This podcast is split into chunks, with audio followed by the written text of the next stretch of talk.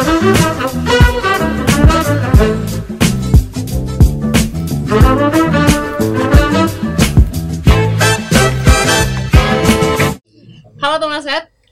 Kembali lagi bersama Suci.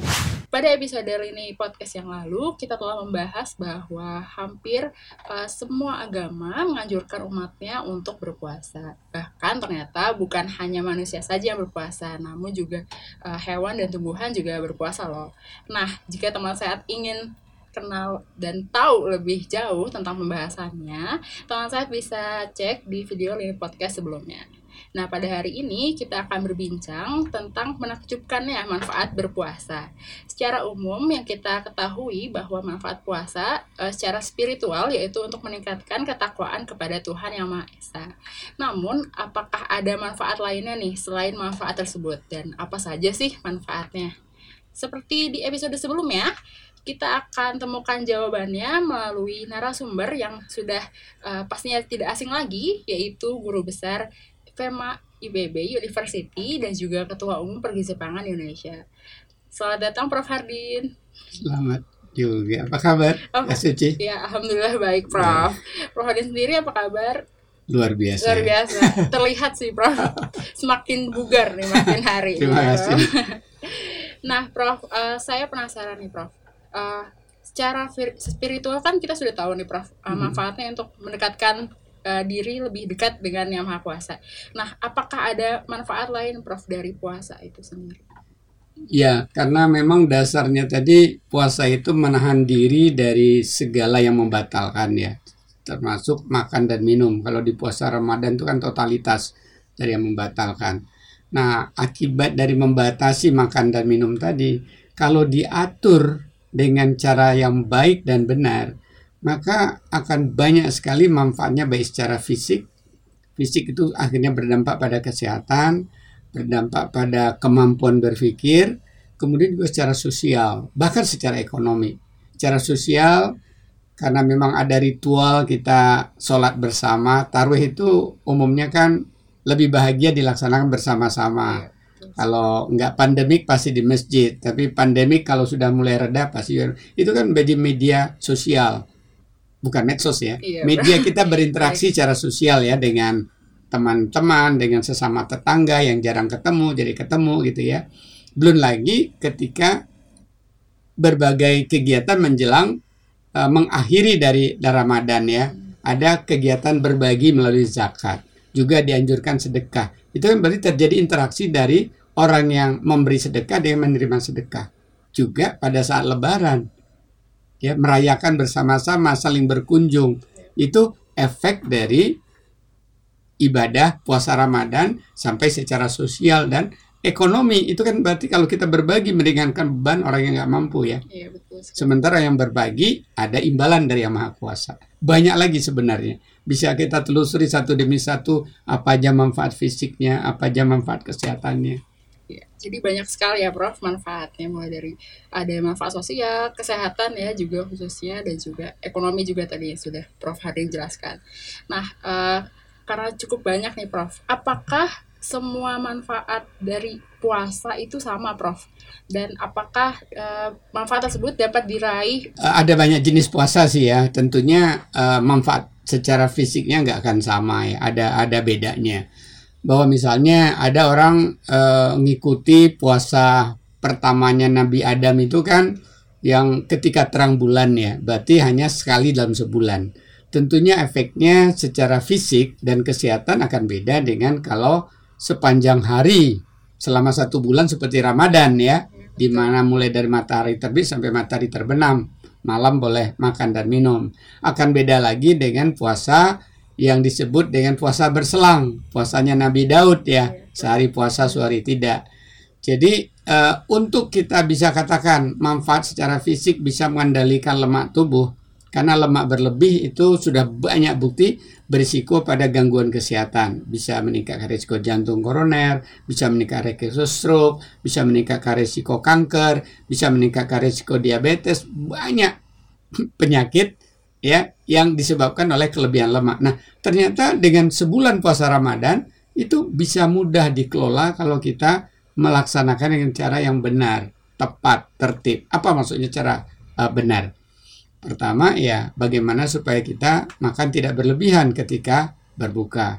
Makan nggak berlebihan ketika makan malam. Makan sekedarnya, cukup air minum ketika sahur. Maka dengan begitu mudah lingkar pinggang kita yang lebar jadi kecil. Lemak kita yang banyak jadi normal kembali. Kemudian itu efeknya luar biasa kepada sistem hormon kita. Insulin kita kalau misalnya udah usia 35 mulai nggak sensitif, dia sensitif kembali Udah banyak itu buktinya sehingga dia bisa tercegah dari hiperglikemia atau yang cenderung nanti menjadi diabetes misalnya gitu ya. Begitu juga HDL, kolesterol baik istilah lainnya, ya. itu karena puasa Ramadan tuh bisa meningkat ya. Yang kolesterol jahatnya LDL jadi menurun. Nah, ini cikal bakal untuk hidup sehat. Bahkan kalau kita bicara hati nanti ada topik uh, Bapak tawarkan ada lagi apakah puasa itu membersihkan hati ya nanti jawabannya nanti deh iya. jadi tetap uh, ini ya jangan kasih spoiler ya Prof karena akan ada di episode selanjutnya nah uh, jadi tadi uh, sem semua puasa itu memiliki manfaat yang sama itu belum tentu ya Prof belum tentu ya. Jadi akan akan berbeda ya. Uh, tergantung tadi cara melaksanakannya harinya. Tapi kalaupun tadi misalnya intermittent fasting kalau itu dilakukan sampai 8 minggu 12 minggu ya berbulan-bulan itu juga bisa mencapai manfaat Ramadan yang tadi satu bulan ya 29 atau 30 hari. Nah, uh, kalau dari segi kesehatan nih Prof, ada info nih. Saya dapat info nih bahwa ada yang menyatakan uh, bahwa puasa itu dapat mendetoksifikasi tubuh, Prof, dan juga untuk uh, peremajaan sel. Apakah benar, Prof? Jika benar, gimana sih, Prof, mekanismenya? Ya Tergantung lagi kita melaksanakan puasanya. Kalau kita tadi puasa tadi tidak defisit kalori, apa artinya defisit kalori?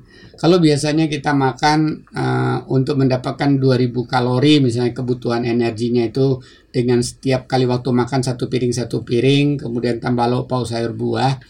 Nah, ketika kita puasa, puasa Ramadan misalnya, berbuka, makan malam, sahur. Itu kalau tidak kita kurangi atau defisit 200 sampai 500 600 kilokalori ya dalam sehari, maka detox itu tidak akan terjadi. Artinya kalau makan kita biasa-biasa saja, memindahkan makan siang menjadi makan uh, berbuka, makan malamnya tetap, makan pagi jadi pindahin ke sahur, berarti nggak ada uh, perubahan uh, jumlah total kalori ya. ya. Maka manfaatnya kepenurunan lemak masih mungkin karena perbedaan jarak tadi ya, tapi jarak waktu makan. Tapi untuk ke detox detox itu diperlukan suatu proses yang namanya uh, autofagi. Ya, nanti kita bicarakan lagi apa itu autofagi ya. Orang dapat hadiah Nobel itu karena autofagi. Jadi uh, ketika kita tidak masuk makanan uh, dan minuman selama 14 jam, 13-14 jam, maka sel-sel tubuh kita ya, terutama tadi sel-sel yang namanya autofogasom ya, ada uh, sel yang bisa menangkap uh, sel-sel yang udah lunglai, udah tua, lansia ya, atau patogen udah rusak, dia bekerja itu memakan. Dengan dia memakan inilah menghancurkan itu terjadi proses detox tadi. Kalau untuk yang permajaan sel nih, Prof. Ya, jadi awalnya detox dulu. Oh, detox ya, dulu ya Prof. ketika kotoran-kotoran tadi mulai dibersihkan, ya, maka sel-sel tua ini nggak ada, maka diperlukan sel pengganti sel kan. Pengganti yang baru. Ya. Nah, dengan kita uh, kualitas makanan tetap dijaga, ada sumber proteinnya ketika sahur dan makan malam. Kalau berbuka kan jarang dengan sumber protein ya. Iya. Yang paling simbol sumber protein itu apa ya? Kalau dalam bentuk padatan itu telur itu paling murah deh. Mungkin di pantai ikan paling murah ya. Ya jangan dilupakan itu sumber uh, protein juga di dalam bulan puasa. Kalau berupa cairan tinggal diteguk ya itu namanya susu gitu ya.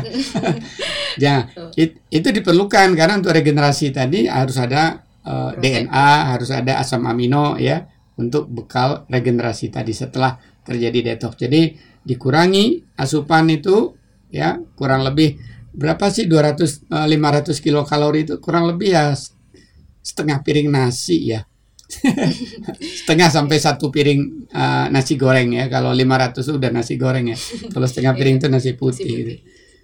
ya uh, jadi apakah ini prof kan uh, tadi sudah uh, dijelaskan bahwa puasa bisa mendetoksifikasi tubuh dan juga peremajaan tubuh ya Prof. Tapi tidak hanya puasa sehari loh. Tidak hanya puasa Iya, sehari ya, Prof. jadi- Dia kalau kita tadi kekurangan energi defisit mulai hari ketiga itu baru mulai bisa terjadi. Hmm. Jadi kalau hanya sehari ini puasa sudah tunggak ya nggak terjadi deh. Iya. Berarti mulai dari hari ketiga puasa ya Prof. Iya itu. mm-mm. uh, kalau kita atur tadi ada defisit ya. Iya. Kalau kita nggak defisit makan sekenyangnya sama aja. ya sama aja. Karena itu ada orang habis puasa ketika lebaran, hai hai ketemu, eh lu kelihatannya kok tambah seger deh. Iya. Maksudnya tambah gemuk maksudnya gitu ya. Itu berarti Iya, eh, makannya justru kebanyakan ya, nggak akan terjadi detox ya. akan terjadi detox. Berarti eh, apakah ini Prof eh, puasa juga dapat eh, apa bikin kita awet muda gitu Prof dan juga kulit kulit Ya, saya pikir itu ada topik khusus lagi nanti khusus ya. lagi. Wah, itu luar biasa. Temuan-temuan sekarang yang menunjukkan dari berbagai kajian bahwa kualitas dari sel kita salah satunya ditentukan bahkan kalau oleh puasa. Bahkan eh, dunia kedokteran ya yang eh, mengenal istilah stem cell, st- sel punca ya, stem cell yang orang kalau ingin melakukan regenerasi eh, eh, jaringan tertentu bahkan itu dicangkokkan itu lagi-lagi salah satu rahasianya dengan puasa stem cell kita bisa melakukan eh, regenerasi. Eh, sesuai dengan temanya ya Prof benar-benar menakjubkan sekali Iya. nih manfaat puasa. Belum lagi pada kecerdasan loh. Kecerdasan juga Iya. berpengaruh ya. Mau dibahas sekarang atau nanti ya? Ah boleh sekarang Prof. mungkin Iya. karena Ya sedikit jadi saja mungkin. Jadi eh, puasa tadi meningkatkan namanya brain derived neuropathic factor. Faktor neuropathic ada di otak kita. Perannya apa? Peran dari eh, BDNF ini brain eh, neuropathic derived neuropathic factor ini untuk mengoptimalkan komunikasi antar sel-sel saraf. Di saraf kita sinap-sinap ini kan tugasnya menyimpan sama kalau ada yang bertanya dikeluarkan pesan dari otak kita. Nah, BDNF ini punya peran. Jadi kalau BDNF tadi normal, kemampuan kita mengingat jadi bagus. Kalau BDNF-nya rendah, maka kita gampang lupa. Nah, dan itu juga mengingatkan saya waktu saya masa kecil ya. Jadi orang-orang di ikut di pesantren itu sering kali di oleh guru ngaji eh, disuruh berpuasa. Apalagi yang ingin hafal Al-Qur'an. Jadi benar juga gitu karena tapi memang berpuasa dalam arti tata yang benar tidak berarti puasanya hanya minum air putih aja gitu ya. Pasti kan kekurangan zat energi. gizi jadinya ya. kalau sehari sih nggak apa-apa kalau berhari-hari jadi celaka. Nah itu ternyata mening- terbukti meningkatkan BDNF dan BDNF ini meningkatkan daya tangkap otak dalam menangkap pesan dan mengeluarkan pesan. Orang cerdas itu kan karena dia mampu menangkap, mampu mengeluarkan sesuai pertanyaan kan. Iya betul sekali Prof. Iya. Iya, jadi selain itu juga manfaatnya meningkatkan kecerdasan juga ya, Prof. Tapi Iya. dengan cara yang benar juga ya puasanya, teman sehat. Nah, eh, tadi juga sudah dijelaskan nih, Prof. Ada manfaat sosial dan ekonomi. Bisa Betul. dijelaskan lebih detail, Prof? Ya, hal- secara sosial salah satunya tadi bahwa memang menyertai puasa itu kan ada anjuran untuk kita saling meningkatkan ke berbuat baik ya. Jangan berbuat jahat justru itu membatalkan ya. Berbuat baik. Salah satu cara berbuat baik itu berbagi. Buat orang yang nggak punya materi materi uh, materi uang ya senyum itu udah berbagi ya. Hmm, Nah, seperti. Suci sekarang senyum gitu. Tapi buat orang yang punya memang materi, berbaginya macam-macam dengan pakaian, dengan kue, dengan berbuka bersama, diundang atau memberi itu kan membahagiakan, membuat ikatan-ikatan sosial kita makin kuat. Jadi kalau saya puasa nanti ngundang Suci misalnya, Ci datang nih sama keluarga, yuk kita makan bareng. Itu kan secara sosial memperkuat silaturahmi ya. Betul Nah, kalau semua orang melakukan itu di masyarakat, silaturahmi di masyarakat kuat, akhirnya nggak ada tuh di masyarakat itu terjadi kejahatan karena semua sudah saling kuat ikatan-ikatan silaturahminya kan, secara sosial. Nah, kalau secara ekonomi ya, nah beberapa penelitian juga menunjukkan ya kalau kita tadi puasa dengan cara defisit kalori itu energi basal, energi yang kita butuhkan untuk semua organ-organ kita ini bisa bekerja dengan baik ketika kita istirahat. Itu namanya energi basal yang basic ya. Itu menurun sampai 5-10%. Artinya apa? Ketika kita setelah lebaran, kalau kita nggak hancurkan itu, artinya kebutuhan kita tuh ngirit loh. kita bisa save 10% energi, 5% energi. Itu kan harusnya jadi tabungan ya. Iya. Tapi kalau kita makan sama seperti sebelum puasa lalu, kita jadi cepat gemuk.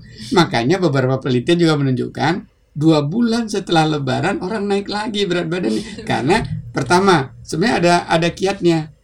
Bu ya puasa sunnah 6 hari sawal itu Iya. untuk memaintain sebenarnya. Tapi itu nanti topik tersendiri lagi deh. Prof, siap. Nah, eh, tadi kalau untuk ekonominya kan tadi. Oh iya tadi kan tadi- ekonomi ngirit kan? Eh, ya jadi lebih irit. Jadi kan, lebih ngirit Ah, kan? Pengeluarannya juga Jadi makin- kalau misalnya orang makan uh, beras itu satu uh, bulan 10 kilo, Hmm, itu kan jadi dua eh, berapa kurang 10% jadi 9 kilo kan iya, cuma untuk memenuhi kebutuhan energinya, ya kan? Iya betul kan? sekali. Bayangin satu kilo satu orang, kalau 270 juta penduduk Indonesia berapa? Satu kilo satu orang. Nah. Berarti jadinya 270 juta kilo kan? Iya. Wow, how come? Berapa petani bisa diamankan itu ya? Atau hektar sawah uh, tidak perlu harus diperluas gitu ya? Betul sekali. Ya, tapi kan hanya 85% muslim, kemudian dari 85% muslim itu katakanlah ada 70 80 persennya yang diwajibkan puasa. Kan nggak semua diwajibkan anak-anak kan enggak. Iya. Jadi menurut saya ada 175 juta penduduk Indonesia yang berpuasa, yang diwajibkan puasa. dan bisa memberikan dampak yang sosial dan ekonomi juga ya Betul. Prof negara kita. Hmm. Iya. Nah Prof eh, tadi kan dibahas ya Prof mengenai manfaat banyak banget manfaat puasa nih Prof. Nah Dampak ekonomi juga ya, dampak karena tadi ekonomi. orang berbagi Hmm. ya. Oh, saya ingin memberikan sedekah nih sama te- tetangga. hmm, saya mau berikan kerudung nih buat eh, remaja-remaja Hmm. putri itu kan berarti terjadi pembelian dan pemberian. Hmm, itu di mana dia beli? Pasti ada ekonomi yang tumbuh kan? Iya, bisnis kerudung bisnis sajadah ada bisnis eh, kurma bisnis buah bisnis ah macam-macam. Bisnis restoran karena ngajak makan di restoran. Iya, betul. berbuka ya. Berbuka puasa bersama. ya jadi itu memberi dampak ekonomi. Iya betul. Nah, Prof, eh, tadi kan sudah dibahas mengenai berbagai macam eh, dampak positifnya ya, Prof. Nah, apakah ada nih, Prof, dampak negatif dari puasa itu sendiri, Prof? Kalau menurut Prof Hadi sendiri? Ya, kalau puasa secara spiritual nggak ada ya eh, bukti karena apalagi puasa Ramadan ini sebenarnya sudah kondisi eh, apa ya sangat-sangat minimal risiko bandingkan waktu Nabi Musa puasa 40 hari Iya, bukan 30 hari ya. Nabi Yunus juga. Nah, Nabi Yunus di dalam perut Di ikan ya. Oke lah, karena memang setiap nabi punya anu ya keajaiban memang pada diri mereka masing-masing. Tapi eh, dengan cara puasa Ramadan ini adalah cara yang sebenarnya buat semua orang yang diwajibkan mulai remaja ke atas itu relatif seharusnya ringan. Bahwa ada orang takut ya yang tidak pernah puasa. Apa enggak takut ya? Apa enggak sakit ya? Ya itu kekhawatiran aja. Karena sebenarnya tubuh kita ini disiapkan cadangan. Ada cadangan di tubuh kita. Ketika kita nggak makan, cadangan tadi digunakan. Ya, sama dengan cerita eh, musim paceklik ya. Ketika musim panen banyak makanan. Kalau itu disimpan, ketika paceklik itu dipakai kan dari gudang simpanan padi, simpanan jagung. Tapi kalau nggak ada cadangan, berarti kalau kita kurus kerempeng sakit-sakitan, ya emang nggak. Makanya nggak dianjurkan orang sakit Iya. berpuasa kan? Iya. Iya.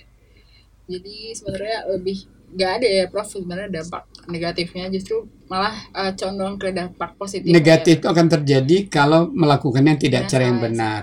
Minum langsung 5 gelas waktu berbuka, Hmm, misalnya ya, iya. itu bisa jadi namanya hiponatremia. Natriumnya jadi rendah karena terlalu encer, misalnya bisa pusing, bisa eh, ototnya jadi jadi lemah.